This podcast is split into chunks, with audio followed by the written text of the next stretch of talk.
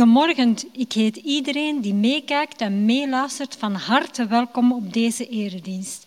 Fijn dat we weer welkom mogen zijn in uw huiskamer. Sinds vorige sabbat zijn er geen bezoekers meer in de kerkzaal. Het is hier leeg. En toch denken we aan jullie allen. Langs deze weg willen we jullie bemoedigen om de maatregelen die de overheid heeft opgelegd te volgen. Dit omdat er in de zorgsector veel zieken zijn, waardoor de druk enorm verhoogt.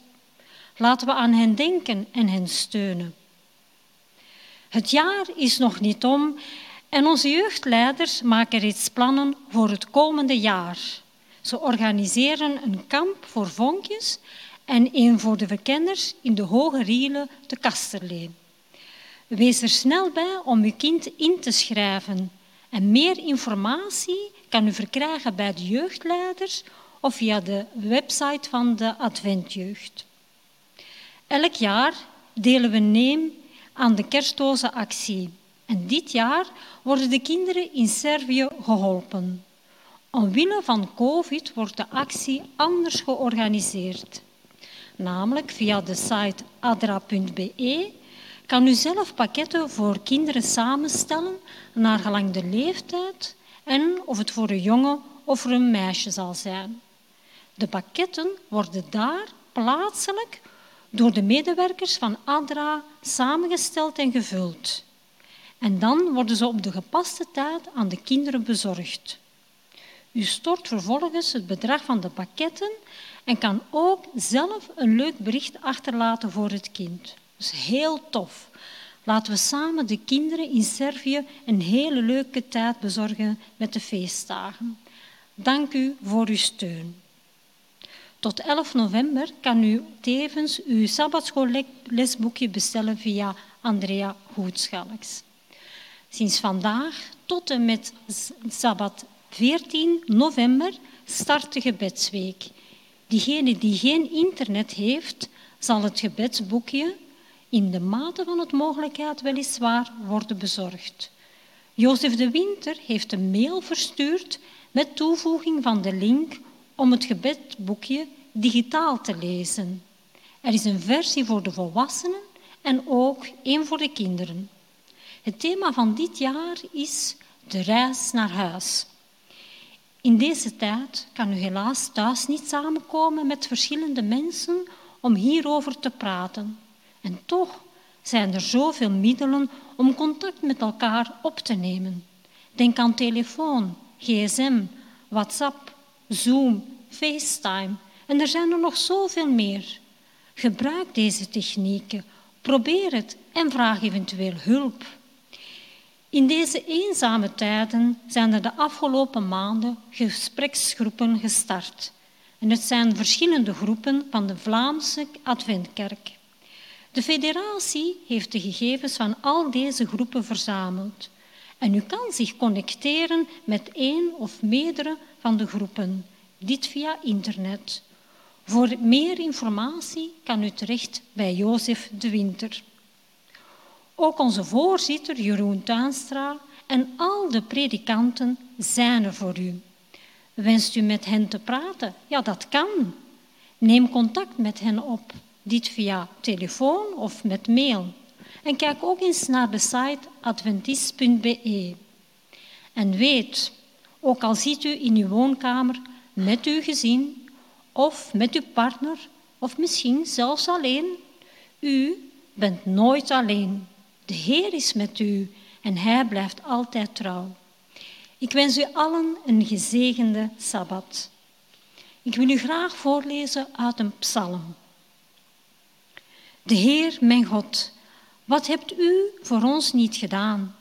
Wat hebt u niet met ons voor? Als ik over u zou willen vertellen over wat u gedaan hebt, ja, waar zou ik dan beginnen? Maar dit wil ik zeggen. Offers brengen u geen vreugde. Daarvan heeft u mij doordrongen. U verlangt geen brandoffers en geen offers om zonde weg te nemen. Daarom zeg ik, hier ben ik. In de boekrol staat er wat er ik moet doen. En vol vreugde volbreng ik uw wil. Uw wet staat in mijn hart gegrift. Wanneer uw volk bijeen is, Heer, zal ik vertellen hoe goed u bent. U weet het, Heer. Ik kan niet zwijgen. Ik maak er geen geheim van. U bent goed en betrouwbaar, liefdevol en trouw. U brengt uitkomst.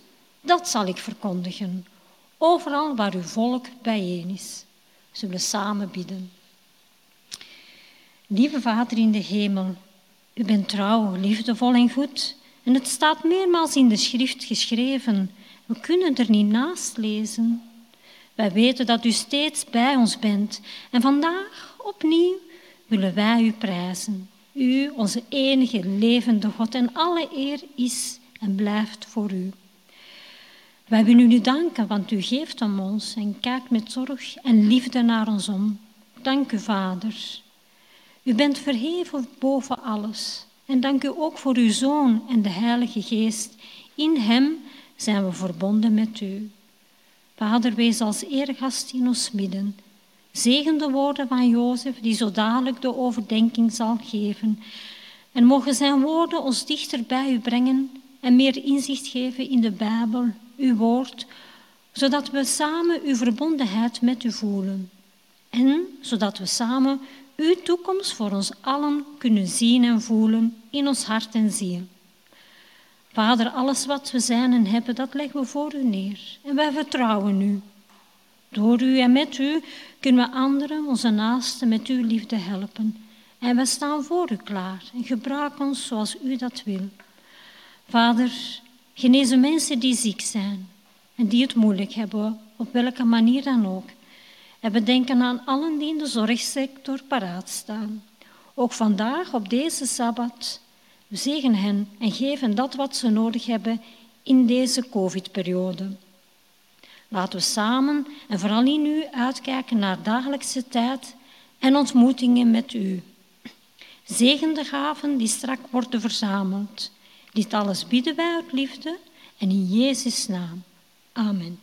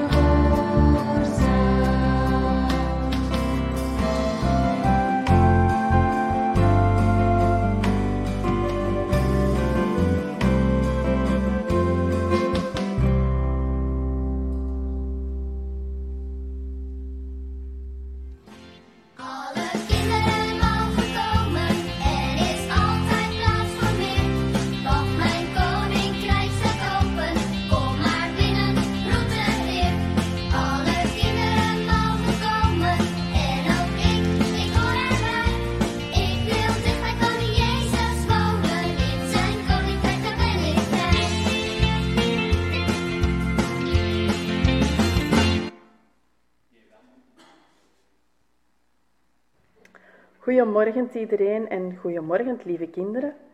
Vandaag wil ik jullie het Bijbelverhaal vertellen over Jairus. Jezus en zijn leerlingen komen terug aan in de stad Capharnium. Daar stappen zij allemaal uit de boot en gaan door het water naar het strand. Ze gaan allemaal in het zachte zand zitten, want ze zijn toch allemaal een beetje moe.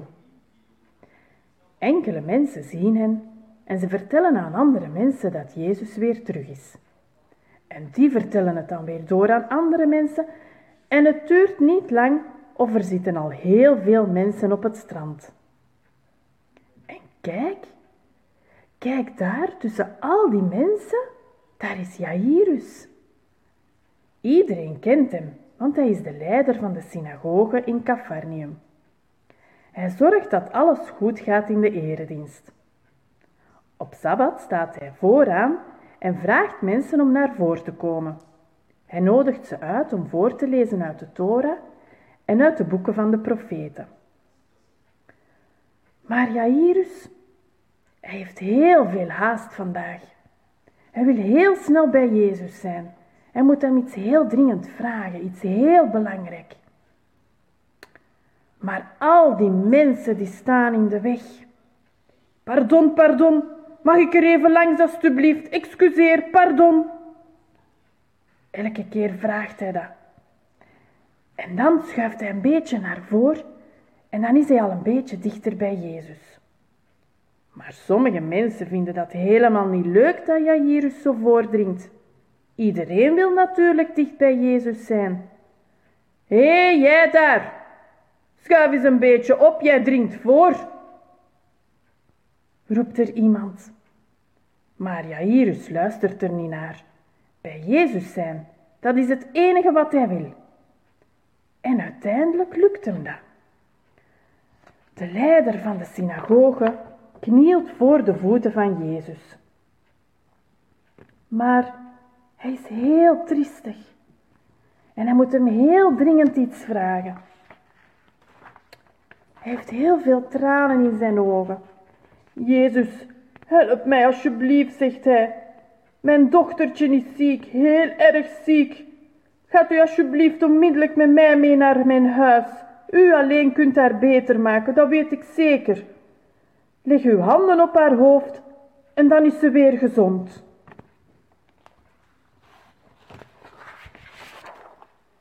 Natuurlijk wil Jezus direct met Jairus meegaan, maar al die mensen die staan daar om hem heen. Lieve mensen, ik ga met Jairus mee, zegt Jezus. Willen jullie even opzij gaan? En dat doen de mensen wel, maar toch ze blijven nog een beetje in de weg staan. Jairus en Jezus kunnen maar langzaam vooruitkomen. En tussen al die mensen staat er ook een vrouw. Maar zij is al heel lang ziek. En weten jullie hoe lang? Twaalf jaar is zij al ziek. En er is geen enkele dokter in het land die haar kan beter maken. Ze is al bij zoveel dokters geweest. De ene dokter zegt dit, de andere dokter zegt dat, maar niemand weet het. En niemand heeft haar kunnen helpen. Ze is elke keer maar zieker en zieker geworden. En omdat ze bij zoveel dokters al geweest is, heeft ze nu ook geen geld meer, want dat heeft haar heel veel geld gekost. En ze kan niet meer haar werk doen en ze moet altijd maar liggen en rusten. En ze denkt, als ik nu maar heel dicht bij Jezus kon komen, niet om naar hem te kijken of tegen hem te praten, nee, ik wil alleen maar het klein stukje van zijn kleed kunnen aanraken. Dan weet ik heel zeker dat ik ga genezen. Maar ja, dan moet ze ook heel hard voordringen. Sorry, sorry, zegt ze als ze tussen al die mensen doorwringt. Excuseer, pardon, mag ik er even langs, alstublieft? Af en toe kijkt er iemand wel een beetje boos. Ze willen allemaal wel dicht bij Jezus staan. En toch, toch lukt het haar. Ze is nu heel dicht achter Jezus gekomen. En door al die drukte let er niemand op haar. En weet je wat ze doet? Ze buigt zich voorover en ze raakt heel voorzichtig het puntje van Jezus kleed aan. Hé, wat is dat? Wat gebeurt er? Ze voelt meteen dat ze beter wordt. De pijn wordt minder en dan opeens heeft ze helemaal geen pijn meer. Jezus staat stil. Hij heeft ook iets gevoeld. Hij kijkt om zich heen naar al die mensen. Wie heeft mij aangeraakt? vraagt hij. Dat vinden zijn leerlingen maar een vreemde vraag. Die mensen die dat daar allemaal staan, die raken hem allemaal aan. En toch zegt Jezus, heeft er mij iemand aangeraakt, maar op een andere manier dan al die andere mensen. De vrouw hoort wat Jezus zegt. Ze wordt een beetje bang, want ze heeft niet aan Jezus gevraagd of dat het mocht hem aanraken. Ze knielt voor Jezus neer en zegt: Dat was ik. Ik heb u aangeraakt. Jij gelooft echt dat ik je kan genezen en daarom is nu je ziekte weg, zegt Jezus. Je bent helemaal genezen. De vrouw staat op. Ja, ze voelt zich een beetje gezond en sterk. Hoera, hoera, ik ben helemaal genezen, ik kan naar huis nu. Maar Jairus staat daar nog steeds te wachten en hij maakt zich grote zorgen. Oh, Jezus, alstublieft, kom nu toch mee. Oh, ga Jezus nu nog wel op tijd zijn voor mijn dochter te genezen? Ze moeten nog een heel eind wandelen naar zijn huis. En opeens onderweg komt er iemand naar Jairus toe. Jairus, Jairus. Je dochter, het is niet goed, ze is doodgegaan. Jezus moet niet meer meekomen nu. Jairus, je hoeft niet bang te zijn, zegt Jezus. Blijf maar geloven, dan komt het goed. Alle mensen die met Jairus en Jezus meewandelen, worden nu heel nieuwsgierig. Wat gaat Jezus nu doen? Eindelijk komen ze aan bij het huis van Jairus. De mensen die meegelopen zijn, willen allemaal, allemaal wel mee naar binnen gaan. Maar dat wil Jezus niet en daarom stuurt hij iedereen weg. Alleen zijn leerlingen, die mogen mee naar binnen gaan. En zijn leerlingen, dat zijn Petrus, Jacobus en Johannes. Als Jairus thuis binnenkomt, klinkt er veel lawaai. Er zijn al heel veel mensen in huis. Zij klagen en zij huilen over het meisje dat daar ligt en niet meer beweegt. En ze denken dat ze dood is. Wat zijn ze allemaal verdrietig. Jezus kijkt om zich heen naar al die huilende mensen en zegt: Het meisje is niet dood. Ze slaapt alleen maar.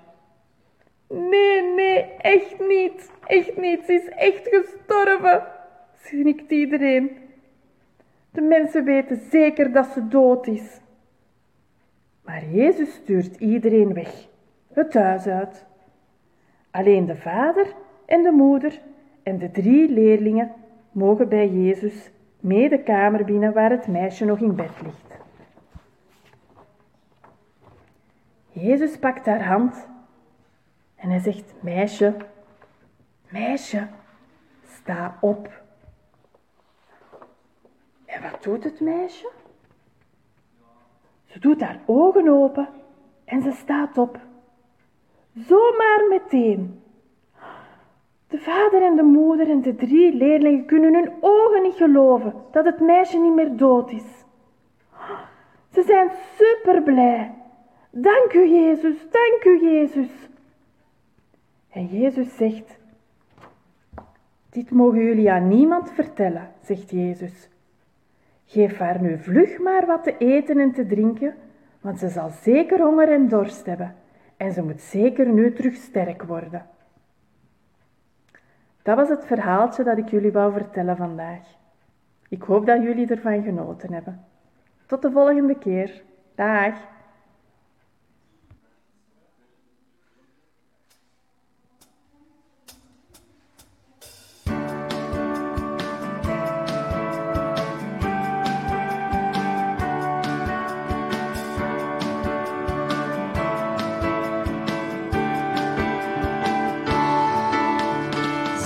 for the king.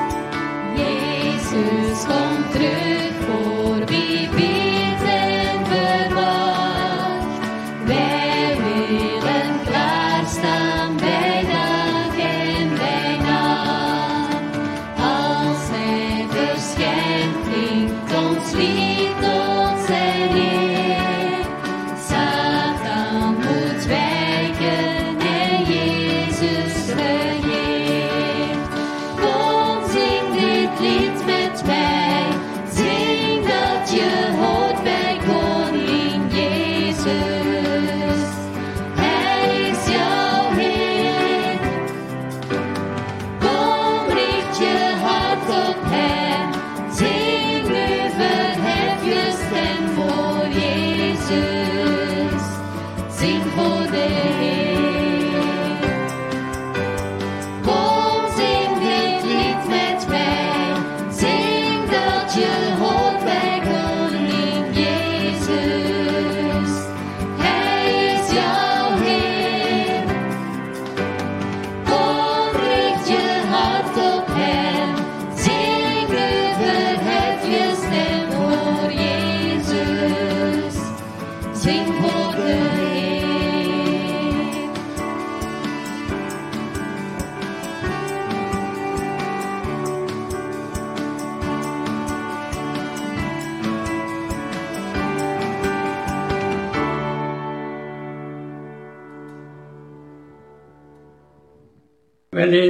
voor uit Jesaja 4, hoofdstuk 54 van 1 tot en met 8.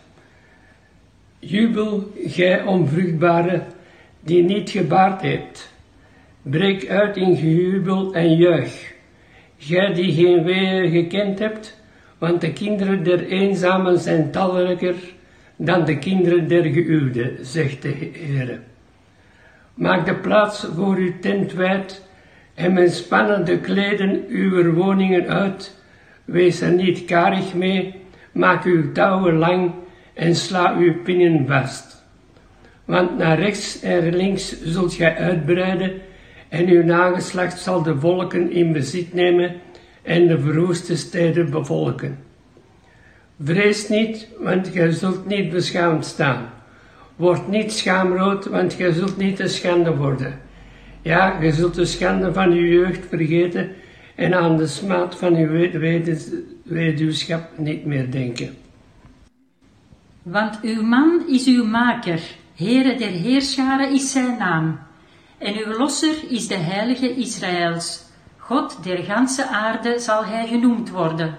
Want als een verlatene en die bedroefde vrouw heeft u de Heere geroepen als een vrouw uit de jeugdtijd nadat zij versmaad werd, zegt uw God. Een kort ogenblik heb ik u verlaten, maar met groot erbarmen zal ik u tot mij nemen. In een uitstorting van toorn heb ik mijn aangezicht een ogenblik voor u verborgen, maar met eeuwige goedertierenheid ontferm ik mij over u, zegt uw losser, de Heere. De Heere zegene de lezing van zijn woord.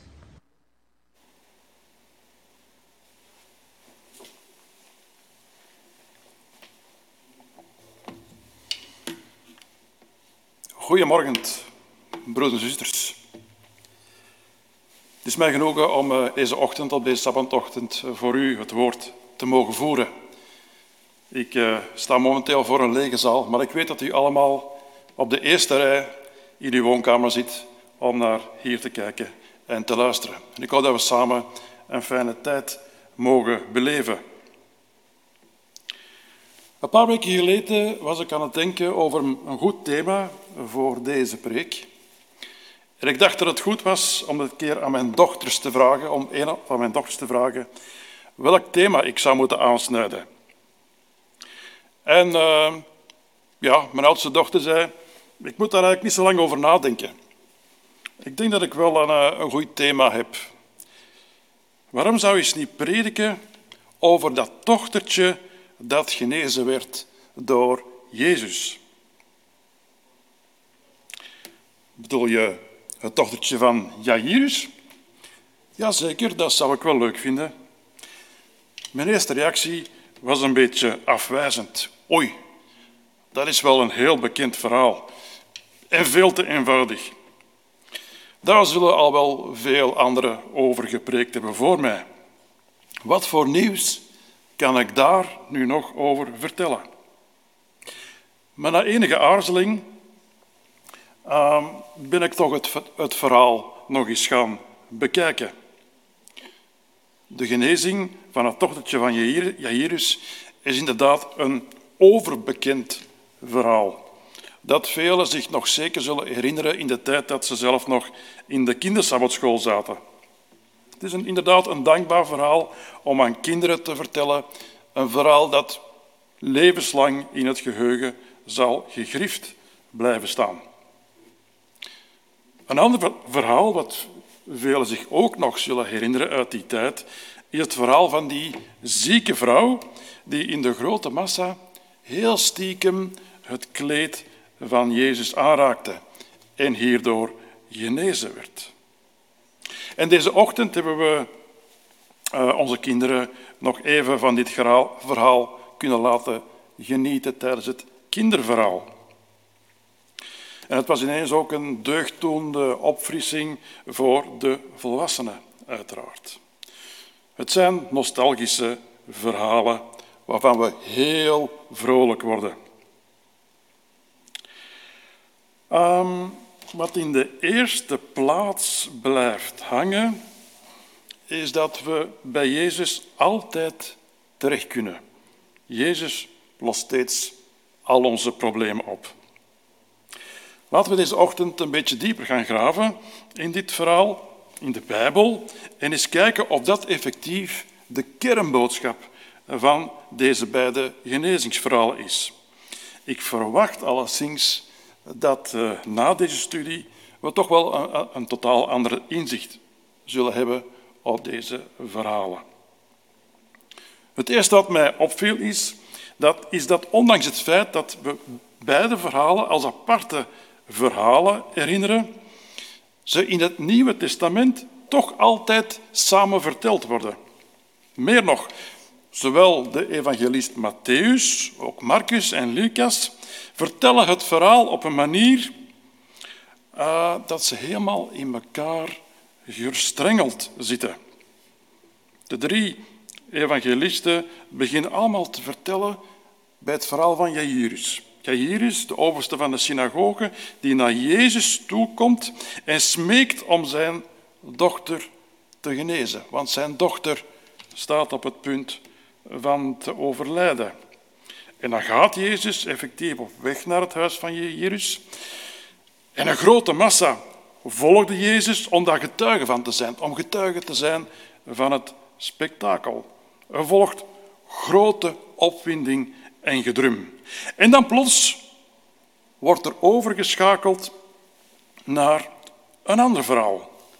Een vrouw die stiekem het kleed van Jezus aanraakte.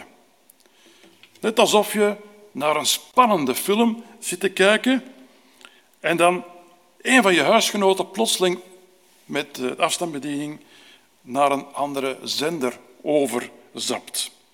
En na het korte intermezzo wordt het teruggeschakeld naar het eerste verhaal. En er wordt terug het verhaal vertelt van, verder vertelt van het dochtertje van Jairus, die dan genezen wordt. Je zou het een sandwichverhaal kunnen noemen. Het ene verhaal zit als een broodje verstrengeld, of als tussen een broodje verstrengeld tussen het andere verhaal.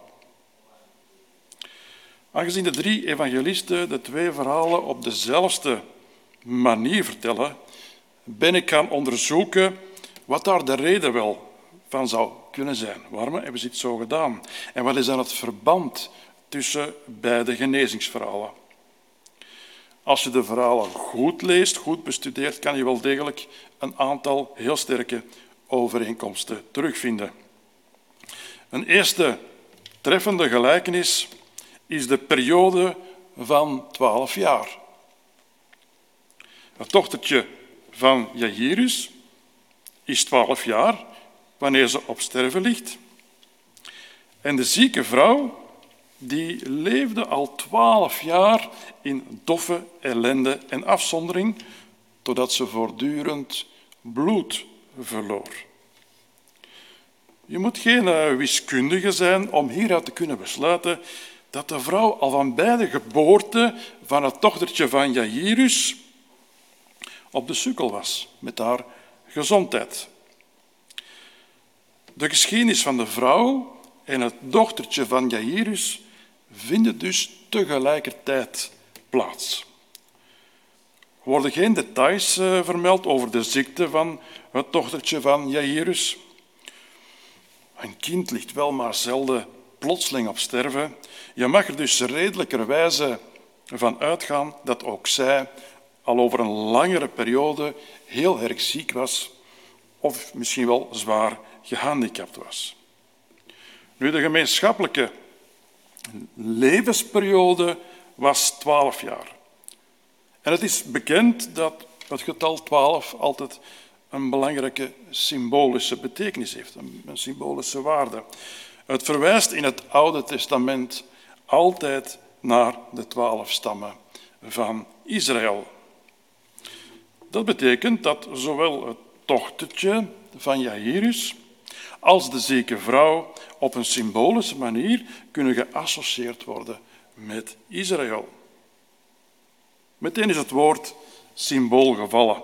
We gaan inderdaad langzaamaan ontdekken dat beide genezingsverhalen een onderliggende symbolische betekenis hebben. Er zit als het ware een tweede dimensie in het verhaal. De gemeenschappelijke periode van twaalf jaren, van twaalf jaar waarin het meisje en de vrouw ziek zijn, is een eerste aanwijzing dat het in wezen twee keer om dezelfde vrouw gaat. En we gaan nu even bekijken wat dan hun verband zou kunnen zijn met Israël. Nu, in de Bijbel staat de vrouw dan weer heel dikwijls symbool voor het volk Israël, het volk van God. En de relatie tussen God en zijn volk wordt ook heel dikwijls vergeleken met een huwelijksrelatie. Een huwelijksrelatie tussen een man en een vrouw. En een prachtig voorbeeld vinden we daarvan terug in het boek eh, Hosea, bij de profeet Hosea, waar God zijn huwelijksbelofte doet aan zijn bruid Israël. En wel op de volgende manier. Ik zal je vergoed tot mijn vrouw maken. Ik zal je hecht aan mij verbinden. Door liefde en ontferming. Mijn vrouw zul je zijn, want ik beloof je trouw en je zult de Heer toegewijd zijn. Het lijkt inderdaad huwelijksbeloften die ook vandaag de dag door een, een nieuw koppel kunnen gebruikt worden, die in het huwelijk treden. Nu, zoals bekend was die relatie, die huwelijksrelatie tussen God en zijn volk, niet altijd roze geur en maneschijn. De spanningen, dat kwam door het wangedrag van die vrouw van Israël, die spanningen konden soms heel erg oplopen. En dat gaf er wel uh, af en toe eens aanleiding toe dat er een tijdelijke breuk kwam in dit symbolische huwelijk. Nu, met dit symbolische huwelijk in het achterhoofd tussen God en Israël kunnen we ook wel de situatie van die vrouw die al twaalf jaar leed aan die bloedvloeien beter verstaan. Het bloed van die vrouw blijkt symbool te staan voor de vele wandaden van Israël. En in Jeremia hoofdstuk 2 wordt dit ook duidelijk uitgelegd. Daar staat, maar mijn volk is mij sinds jaar en dag vergeten. Hoe goed ken je de weg naar je minnaars? Zelfs verdorven vrouwen kunnen nog iets van je leren. En bovendien, je kleuren zijn besmeurd met het bloed van arme, onschuldige mensen. Het gaat niet over inbrekers die op hederdaad betrapt zijn. Ja, de ziektesymptomen staan symbool voor de vele zonden, al de overtredingen van Israël, de afvalligheid, de afgodendienst, de corruptie, de winstbejag, noem maar op. In de recente geschiedenis voor Jezus dan, in zijn tijd, kunnen we ook denken aan, de, aan kindermoord van koning Herodes, of de onthoofding van Johannes de Doper, of, of, het, of het handeldrijven in de tempel. Het is maar een kleine greep van, voor, van uh, voorbeelden. Het zijn allemaal zaken die niet thuis horen in het huwelijk van God met zijn geliefde vrouw, zoals hij dat voor ogen heeft. Daarbovenop veroorzaakte de ziekte van de vrouw dat ze kinderloos bleef. Ook Israël was vanwege haar zondig gedrag niet in staat om een voorbeeldfunctie te zijn. Andere volkeren werden hierdoor niet dichter bij God gebracht. Integendeel, er was geen gezinsuitbreiding mogelijk op die manier tussen in het huwelijk tussen de Heere God en Israël. Ik wil even tussendoor toch nog even vertellen dat toen die vrouw naar Jezus toe kwam, dat ze zich uiteraard niet bewust was dat haar levensloop een belangrijke symbolische waarde zou hebben. Vele genezingen die Jezus gedaan heeft, hebben zowel een letterlijke als een symbolische betekenis. Jezus heeft inderdaad vele mensen op een wonderbaarlijke manier genezen. En daar geloof ik alleszins heel sterk in dat dat ook effectief zo gebeurd is. Maar om eerlijk te zijn, heb ik daar 2000 jaar na de feiten niet zo'n grote boodschap aan. We kunnen nu eenmaal niet eenvoudig naar Jezus toestappen met de vraag om ons telkens te genezen van al onze kwalen. Ik vind het veel belangrijker om de symboliek achter deze verhalen te begrijpen. De onderliggende boodschap en de lessen waar we wel iets mee kunnen zijn in ons dagelijks leven. Laten we even terugkeren naar die symbolische dimensie van het verhaal. De vrouw die naar Jezus toe kwam, moet zich wel verschrikkelijk eenzaam en verstoten gevoeld hebben. Volgens de reinheidswetten in de Torah was ze immers de hele periode van twaalf jaar, ongelooflijk lang, heel die periode was ze onrein. Dat betekende dat ze niet mocht aangeraakt worden door niemand. En alles wat ze zelf aanraakte, was op zijn beurt weer onrein. In de praktijk kwam dit natuurlijk neer op een volledige isolement, verstoten zijn en eenzaamheid. Zo moest zij door het leven gaan. En als we het dan weer doortrekken naar Israël, het zondig gedrag en het leven van Israël, het bloed van de onschuldigen die aan haar handen kleefde, veroorzaakte ook dat ze door haar man, de Heere God, verstoten werd. Even terug naar Jairus. Eh, ook bij Jairus is het doffe ellende. Hij vertegenwoordigt in dit verhaal zijn dochter, die net als die zieke vrouw op haar beurt ook Israël symboliseert. De naam van Jairus heeft een heel mooie betekenis. Het betekent God verlicht hem. Het is een uiterst mooie verwijzing naar de hoge verwachtingen die God gesteld had op zijn volk, op Israël. Zij moesten het licht zijn dat de hele wereld zou verlichten. En de evangelist Lucas die voegt er nog iets aan toe aan het verhaal. Hij zegt dat het dochtertje van Jairus zijn enige dochter was. En ik vind dat een mooie verwijzing naar het feit dat Israël het uitverkoren volk was. Maar wat een droomhuwelijk had moeten zijn tussen de Heer en zijn volk, liep echter uit op een groot fiasco. Israël was ziek. Ze was doodziek. Israël lag op sterven. Een hopeloze situatie. Al die tijd dat ze ziek was, had ze geen hulp gevraagd aan haar man, de Heere God. Israël kwam niet tot inkeer. Pas op het aller, allerlaatste moment, als bijna de laatste adem wordt uitgeblazen, dan pas wordt er eindelijk om hulp gevraagd. U kunt wel begrijpen dat uh, zowel Jairus als die zieke vrouw enorm angstig moeten geweest zijn wanneer ze eindelijk besloten om hulp te gaan zoeken bij de Heer. Jairus had angst dat hij misschien wel te laat zou kunnen zijn. En hij smeekte aan de voeten van Jezus dringend om hulp. Hij zei, mijn dochter ligt op sterven. Kom haar de handen opleggen om haar te redden en zorg toch dat ze in leven blijft.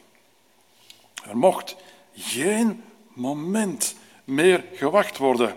En hij moet ook enorm zenuwachtig geworden zijn bij de grote toeloop van de grote menigte.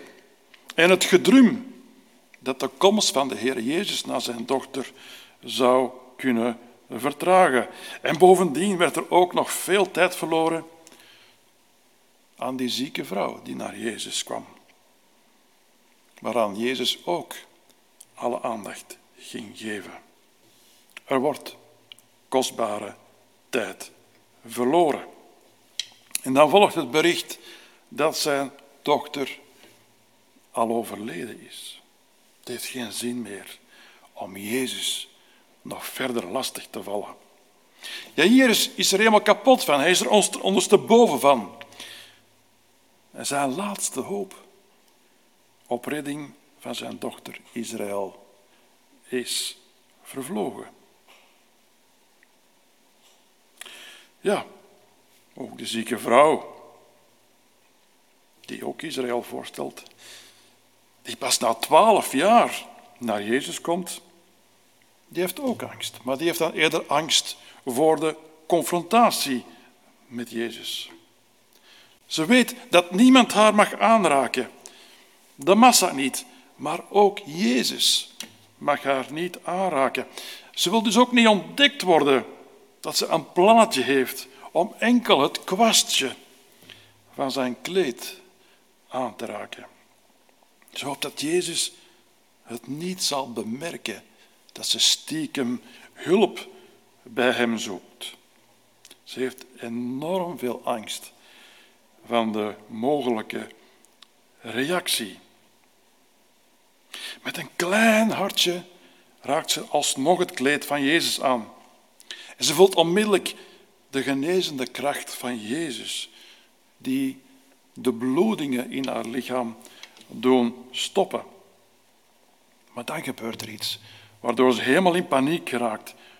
Want op hetzelfde moment van die aanraking wordt Jezus bewust van de kracht die er uit hem wegstroomde. En midden in de menigte draait hij zich om en hij vraagt zich af: Wie heeft mijn kleren aangeraakt? Uiteraard het grote verwondering van alle mensen die rondom Jezus staan. Jezus, hoe komt u daarbij om die vraag te stellen? Maar Jezus dringt aan en hij keert zich om om te zien wie het dan wel zou mogen zijn die hem aangeraakt heeft. En de vrouw was uiteraard enorm bang en angstig. Ze stond te trillen, staat er. Omdat ze ook voelde dat er iets gebeurd was met haarzelf. Ze kwam naar Jezus toe. Ze viel voor hem neer en vertelde hem de volledige waarheid. Deze vrouw die Israël voorstelt, was bang dat ze door de Heer Jezus zou afgewezen worden. Terwijl alle ogen en oren van de mensenmassa op haar gericht waren, kreeg ze de kans om haar levensverhaal te vertellen. En het was absoluut geen fraai verhaal, maar het eindigde wel met het verstandige besluit om hulp te zoeken bij de Heer. En Jezus die wou dat dit getuigenis door iedereen gehoord werd. Het verhaal werd dan ook opgepikt door die drie uh, evangelisten. En dankzij dit feit kunnen wij ook dit uh, inspirerende getuigenis uh, teruglezen in onze Bijbel. Het getuigenis van een vrouw die, die eindigt met de troostende woorden van aanvaarding door Jezus. Jezus zegt, dochter, uw geloof heeft u gered. Ga in vrede en wees genezen van uw kwaal. Inderdaad, het zijn uh, woorden die, die ons allemaal een warm gevoel geven van binnen. En zeker ook de manier waarop Jezus die vrouw aanspreekt. Die verstoten vrouw. Hij noemt ze dochter. Dus Jezus maakt hier mee duidelijk dat hij die vrouw helemaal terug heeft opgenomen en er terug een heel innige relatie mee wilt opbouwen. Ja, meteen wordt er inderdaad ook weer een extra verband duidelijk tussen de twee genezingsverhalen. Er is hier telkens sprake van een dochter. Enerzijds de dochter van Jairus en anderzijds de dochter van Jezus. Ook bij Jairus uh, worden alle angsten weggenomen. Jezus spreekt hem met de geruststellende woorden toe. Wees niet bang, maar blijf geloven. En dan gebeurt er iets heel merkwaardigs in het verhaal. Jezus wordt door de omstaanders uitgelachen. Uitgelachen, belachelijk gemaakt, omdat hij nog de moeite wil doen om tot bij het dochtertje te komen. Het meisje is dood. Geef het toch op. Het is al lang een uitgemaakte zaak. Tegen alle logica in zet Jezus toch door. Hij stuurt alle spotters weg en in een intieme kring, bestaande uit enkele leerlingen en de directe familie, gaat hij de kamer van het meisje binnen.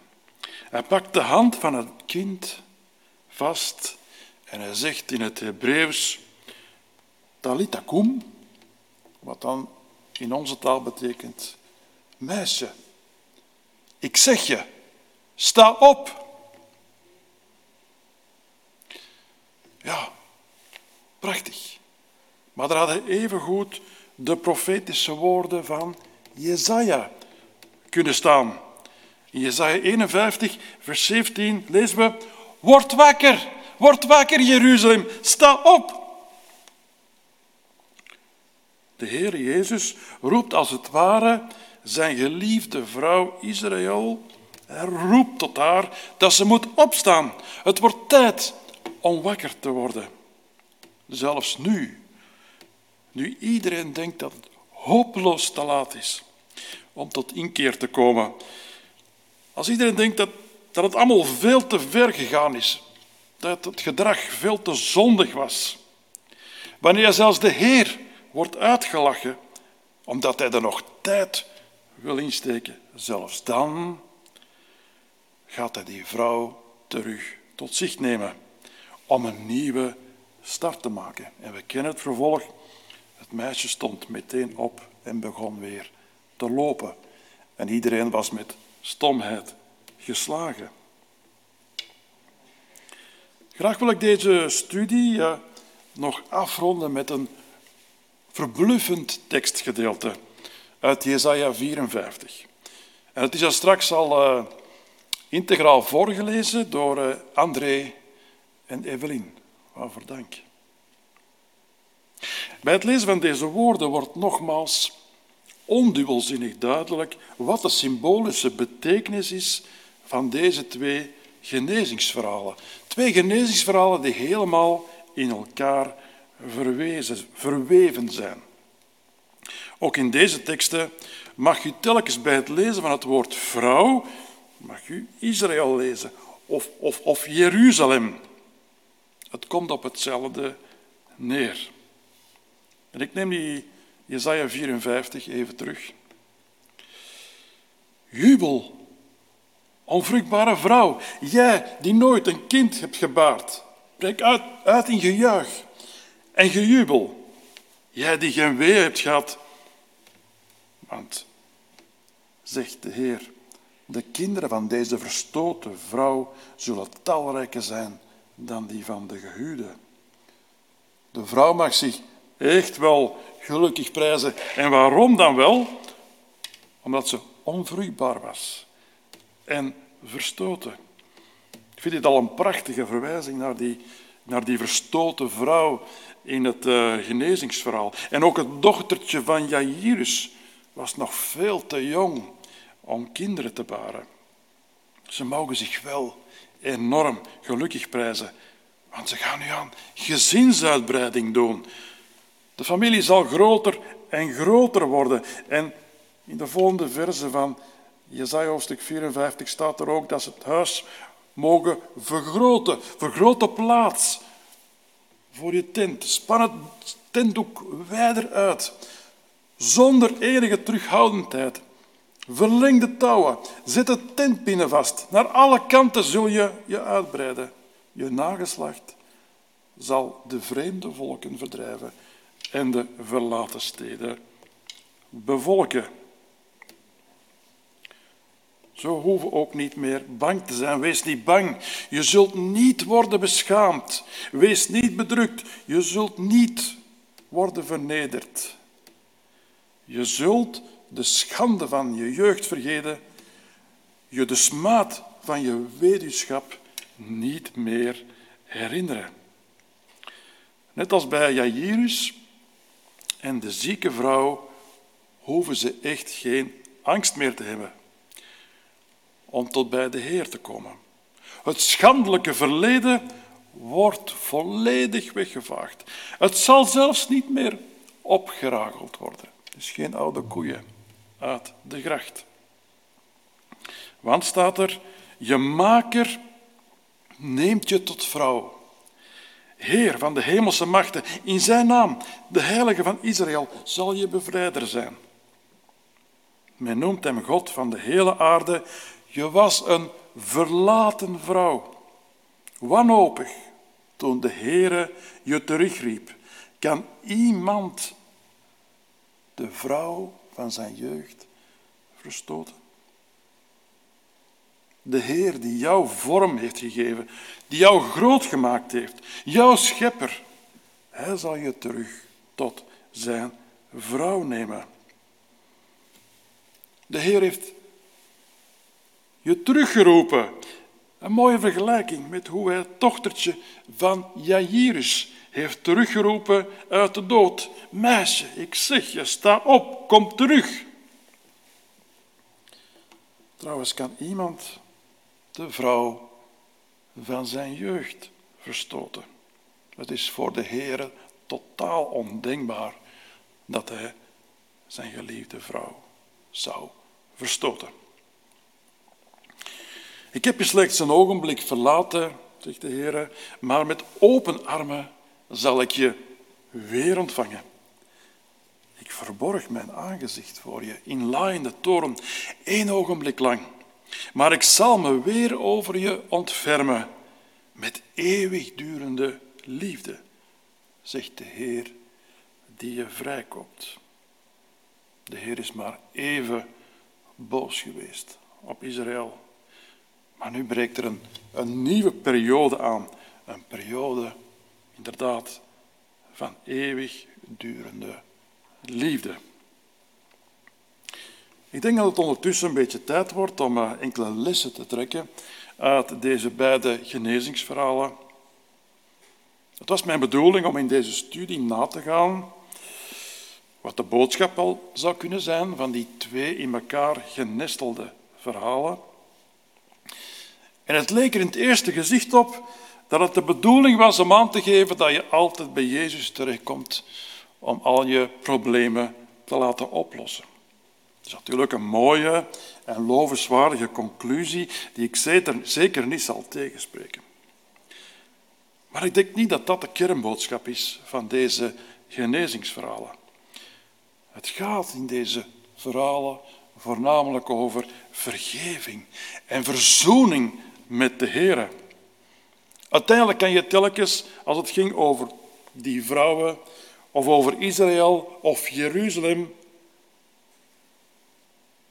telkens jezelf in de plaats invullen. Uiteindelijk was het ook allemaal voor ons van toepassing. En dat betekent dat wat je verleden ook zou mogen zijn, hoe groot je fouten ook waren, hoe lang je ook gewacht hebt om terug tot de Heer te keren, Hij zal altijd jou opnieuw aanvaarden.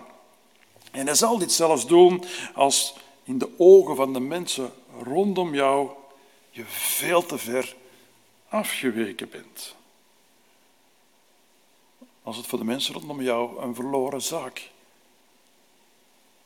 blijkt te zijn of denken te zijn. We hoeven nooit bang te zijn voor de confrontatie met de Heere, onze God. Het enige wat er van ons verlangd wordt, is om te blijven geloven. En dat bedoelen we met geloven in de zin van vertrouwen. We moeten blijven vertrouwen op de Heer. En Hij zal dan altijd ons met open armen terug ontvangen, zoals staat in Jesaja 54, met eeuwigdurende liefde. Amen.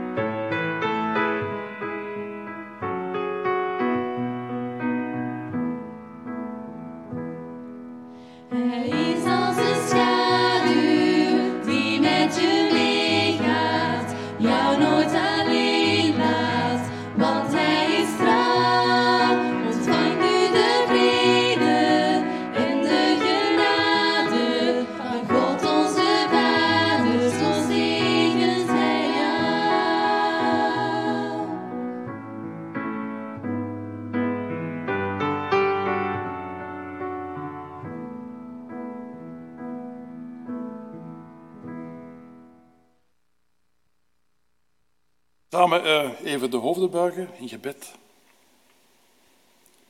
Grote God en Hemelse Vader, we zijn enorm blij dat we mogen deel uitmaken van uw gezin. Een gezin waarin het goed gaat, waar veel liefde heerst, ontferming en eeuwigdurende liefde. We zijn ook blij dat we dochters en kinderen van u kunnen zijn, zonen dat ons gezin kan uitbreiden en alsmaar groeien en groter worden. Dat is de ideale situatie waar we heel hard naar uitkijken. We beseffen ook dat het soms wel eens scheef kan lopen, dat er een ruzie kan ontstaan. Omdat wij soms afwijken en onze eigen wil willen doen, soms zondig gedrag vertonen en niet altijd het nodige respect voor u opbrengen. Maar we weten als we tot inkeer komen, als we terug toenadering tot u willen zoeken, dan zijn we heel ver afgeweken. We weten dat we door u altijd met open armen terug zullen ontvangen worden. En dat we ons gezin verder kunnen zetten in alle warmte en liefde. Heer, daar zijn we zo dankbaar voor, dat we daar altijd kunnen op rekenen. En wij danken u daarvoor in de naam van Jezus. Amen.